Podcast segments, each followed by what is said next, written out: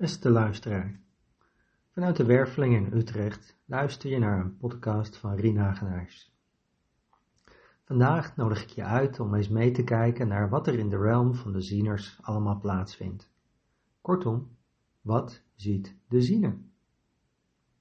Stel je eens voor hoe het zou zijn wanneer je door de derde dimensie heen zou kunnen kijken. En met de derde dimensie bedoel ik de wereld van dingen die je kunt vasthouden. Kortom, alles wat een fysieke vorm heeft, de hoogte, de breedte en de diepte. Je eerste reactie is misschien, nou gewoon, je ziet het object, wat valt er meer te zien? Misschien heb je er een mening over, vind je het mooi of lelijk, maar meer ook niet. Ben je dan een ziener? Ja, best wel. Want je neemt waar met je fysieke linker en je rechteroog en je ziet dingen. Nou, gezien vanuit de realm van de zieners, zouden ze waarschijnlijk smakelijk lachen. Maar voor deze realm komt er toch net iets meer bij kijken. Want we betreden nu het domein van mensen, die niet alleen de buitenkant van het object kunnen zien, maar soms ook kunnen zien hoe de binnenkant eruit ziet. Wat nog verder kan gaan in een onmiddellijk weten van hoe dat object werkt en wat je ermee kunt. Dus bijvoorbeeld, iemand ziet een vulpen een ziener ziet dan ook de binnenkant ervan, de vulling en het mechaniek, maar ook wat je ermee kunt. Ja, leuk, zul je denken, maar wat heb je daar nou aan? Nou, een praktisch voordeel hiervan is dat een ziener veel sneller in staat is om ergens mee te werken dan iemand die niet over die begaafdheid beschikt. Sneller dan de andere realms is een ziener in staat zich de werking van iets eigen te maken en ermee te kunnen werken. Wat dan weer frustrerend kan zijn voor de mensen om de ziener heen, die eerst lange cursus moeten volgen alvorens ze ermee om kunnen gaan. Dus je kunt je voorstellen dat ook deze kracht zijn bijwerkingen heeft. Maar de krachten van deze realm reiken nog verder dan het kunnen doorzien van de fysieke dingen. Want buiten de fysieke werkelijkheid valt nog veel meer te zien. In de andere dimensies van de werkelijkheid bevindt zich namelijk net zoveel als we gewend om waar zijn waar te nemen in onze fysieke derde dimensie. En dat brengt me bij een tweede gebied waar de kracht van deze realm zichtbaar wordt. De zieners zijn in staat om de energie van mensen waar te nemen. Met andere woorden, ze kunnen zien hoe het met je gaat, zonder daarvoor naar je fysieke lichaam te hoeven kijken. Dus je kunt er voor de buitenwereld gebruikt, gespierd uitzien, maar wanneer je binnenwereld bijvoorbeeld emotioneel overhoop ligt, dan zullen ze ook dat stuk van je in de wereld van de windzieners kunnen zien. Wanneer de leden van deze realm bijvoorbeeld zouden kijken naar de groepsfoto van de klimaattop in Egypte, dan zien ze naast al die stijve mannen en vrouwen in hun blauwe grijze pakken en de paar Arabieren in hun jurk met hun uh, hoofddoek veel meer dan de nietszeggende buitenkant. Afhankelijk van hun specialiteit kunnen ze je een heel verhaal vertellen over hoe deze mensen er van binnenbij staan. En laat je verrassen, dan zou er wel eens een heel ander beeld tevoorschijn van deze kunnen komen van deze klimaatop. Wist je dat Egyptenaren ten tijde van de farao's gebruik maakten van helderziendheid in hun rechtspraak? Je zou de vraag kunnen stellen wat hun oordeel zou zijn over deze voor de wereld belangrijke klimaatop. Nog een jaar geleden in Glasgow werd van onder mondkapjes vandaan geroepen dat het één minuut voor twaalf was. En weet je wat er nu is uitgekomen? Volgens onze minister-president is het niet gelukt. Dus het is dan nu twaalf uur, zou je denken. Hier worden ze in de realm van de zieners niet zo blij zijn van. Want hun vermogen om te zien reikt nog verder dan het kunnen zien van de energie van mensen. Er zijn zieners die de lijnen naar de toekomst kunnen zien. Dat vraagt dan nog wat uitleg. Gebeurtenissen in de toekomst zijn het resultaat van de intenties van nu.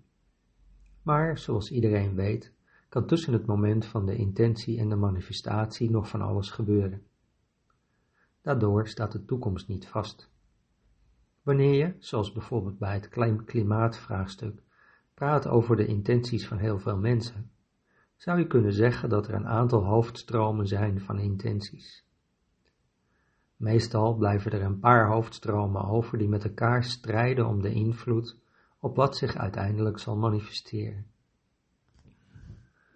Een ziener kan beschikken over het vermogen om deze hoofdstromen van intenties te zien. Met, welke met andere woorden, welke lijnen naar de toekomst de meest waarschijnlijke zijn die zich zullen manifesteren. We noemen dit ook wel een vorm van toekomstvoorspellen.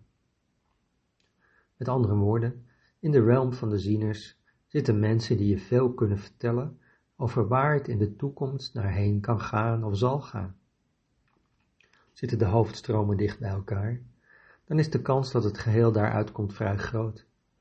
Liggen ze verder uiteen, dan vraagt het van de ziener om nog dieper in de toekomst deze stromen te volgen. Dit is niet de enige manier om naar de toekomst te kijken. Maar in de realm van de zieners is dit wel de meest voorkomende kracht. Dit betekent dat wanneer je in de gelegenheid bent om met iemand uit deze realm samen te werken, je kunt steunen op uitstekende adviezen en inzichten op waarheen te bewegen. Uitstekende mensen om op beleidsniveau taken te verrichten.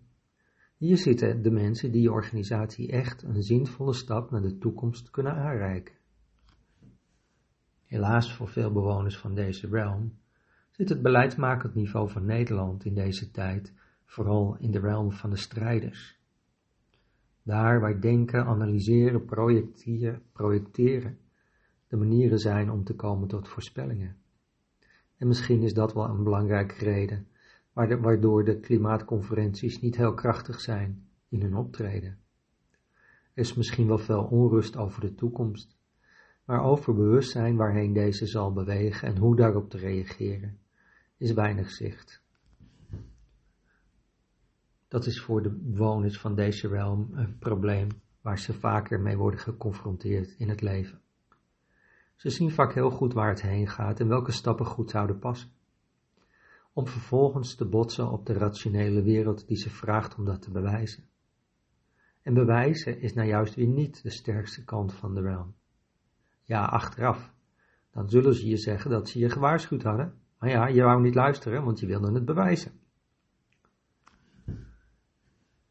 Misschien wel het meest intense vraagstuk van de bewoners van deze realm is de vraag hoe om te gaan met het leven als je toch steeds ziet waarheen het beweegt.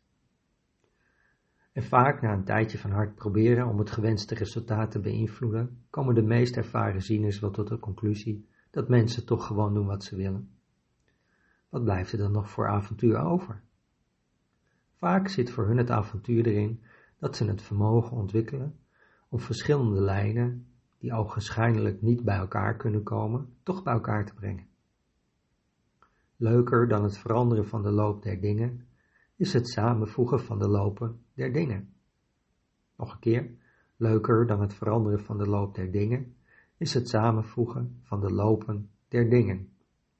En hoe groter de afstand tussen de beide varianten, tussen beide dingen, hoe groter de uitdaging en hoe bevredigender het resultaat is wanneer het toch lukt. Dus nog even terugkerend naar de wereld van leiders en bestuurders. De bewoners van de realm van de zieners zijn misschien nog wel betere diplomaten in onderhandelingen dan dat ze adviseurs kunnen zijn voor je toekomstige beleid. En misschien zou het eindresultaat van de klimaatconferentie dan een stuk bevredigender zijn, wanneer er meer bewoners uit de realm van de zieners aan de bijeenkomsten zouden deelnemen. Want, zoals het nu gaat, hoef je geen helderziende te zijn om te voorspellen dat de uitkomsten van de klimaatconferentie 2023 in Dubai niet veel verder kunnen komen, of zullen komen dan een conclusie dat het 1 minuut over 12 is. Wil je meer weten over wat er zich allemaal afspeelt in de wereld van de zieners, bijvoorbeeld het zien van geesten, entiteiten en al nog meer? Bezoek dan eens onze website www.werveling.nl of www.hetmagischhart.nl of kom gewoon eens langs in de Werveling. We vertellen je er graag meer over. Ik dank je voor je aandacht en graag tot de volgende eh, aflevering.